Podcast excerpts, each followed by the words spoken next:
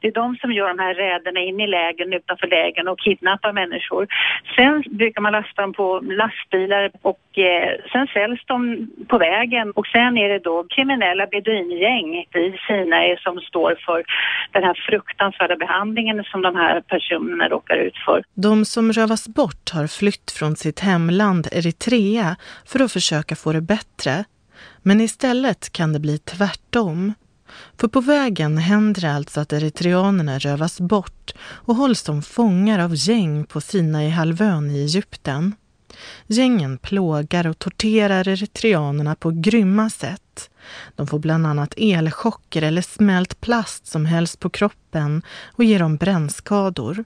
Och så ringer kidnapparna till eritreanska släktingar som får höra skriken.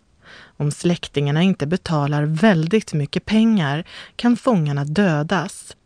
En av de eritreaner som har råkat ut för det här är 17-åriga Gennet som nu vårdas på sjukhus i Egypten med svåra skador.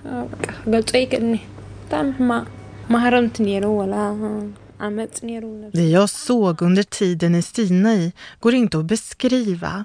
Det var den värsta grymhet jag varit med om, säger Gennet. Hon har blivit slagen, torterad och våldtagen och har djupa sårskador ända in till skelettet efter de kedjor hon satt fast med.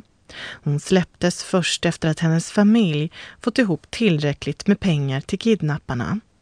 Både FN och Amnesty har sagt åt Egypten att stoppa kidnappningarna och tortyren.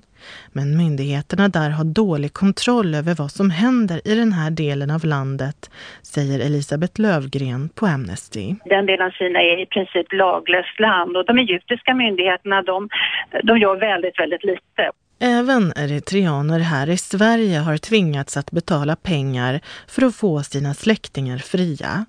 Meron Estefanos var med och samlade ihop mer än 250 000 kronor för en kusin. Hon ringde och vädjade, vädjade. Snälla rädda mig, snälla rädda mig. Eller be till Gud att jag ska dö snabbt. Så därför har man inget val än att betala.